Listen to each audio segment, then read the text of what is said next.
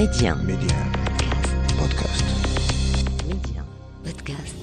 Shabab Ougaddin, Médien. Bonjour, euh, je suis Hicham Azarouet et je viens aujourd'hui pour parler de l'initiative Tropofo. Médien. Médien. Médien. Médien. Médien. Euh, à travers cette initiative, on essaye de donner espoir euh, à deux villages qui ont un manque d'eau, deux villages où les habitants sont forcés chaque matin, chaque journée de parcourir plusieurs kilomètres pour accéder à l'eau potable.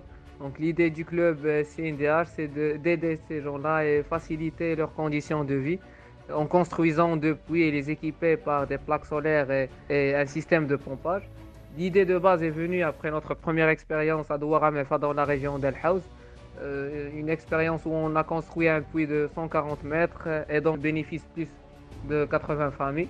Un puits qui, qui était équipé par euh, tout un système d'électrification.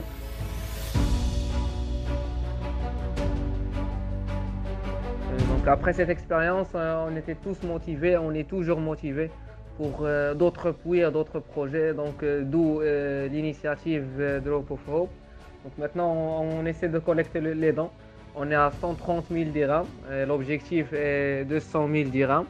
Donc on essaie de collecter ces dons à travers les pages du club sur les réseaux sociaux, à travers des activités organisées par les membres du club. Par exemple, les cours du soutien qu'on a donnés euh, aux étudiants des classes préparatoires. On a aussi vendu des livres qui ont été donnés au club et les gains de ces deux activités, bien sûr, seront utilisés dans l'initiative et les deux puits.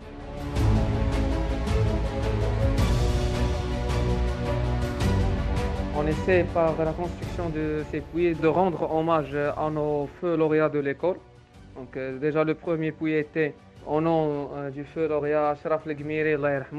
C'est ça l'i- l'initiative dans sa globalité. Toute personne voulant plus de détails qu'elle nous contacte à travers euh, les pages du club dans les réseaux sociaux. C'est INDH INSIAS. Euh, et à la prochaine, Inch'Allah. Mehdi 1 donne la voix aux jeunes Marocains du Maroc et d'ailleurs qui œuvrent dans le social. Partagez avec nous votre expérience, vos réalisations, qu'elles soient individuelles ou à travers des clubs d'étudiants. Faites connaître votre action et inspirez votre génération. Contactez-nous sur jeunesse at medi1.com.